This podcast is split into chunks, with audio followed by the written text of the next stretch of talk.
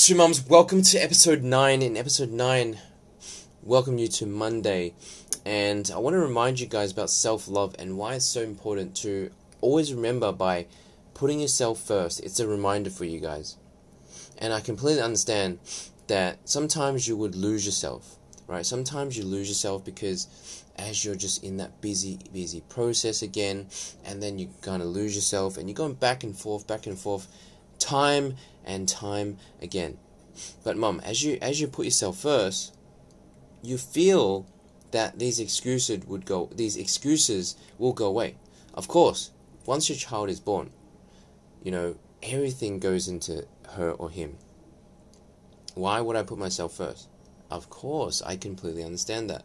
But mom, if you told me you would want to be more happy, you want to be fulfilled, and you know, if you're looking to, to have this in your life, then you need to change, right? You need to be able to change. And the most important thing is always remember it's not selfish to put yourself first. Because if you were to become a happy mum, you're going to have a happy life. Think about this. Think about the consequences. In three to six, nine months, if a mum was to be very stressed in her everyday life and she doesn't know how to handle her emotions, she doesn't know how to handle her stress and her husband and her and, and you know kids, right? And time and routines and and her work. Where is this mom going to be? How long will it take until she explodes? How long until it takes until she gets rocky waters with her husband? Right? How long? Most importantly is the consequence. Right? She's unhappy. Why are you happy? Because you look at your mirror and you don't like yourself. Why? Because you're having that same routine day in, day out. You're just sick of it. I completely get it. But if you told me you want to find yourself again to become a happy mum, confident, fulfilled, have energy, right?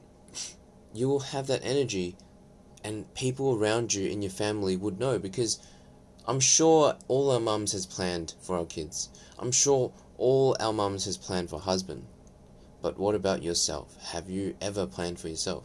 Just like a mum, if you were to buy a dress for your kids, you would be like, okay, that's fine.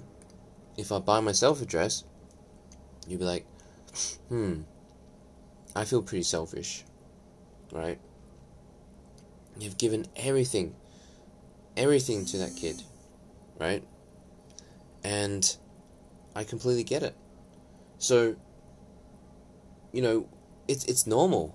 If you told me, you know, to, to be stuck in back and forth that routine of losing yourself and not putting yourself again, it's because you're busy.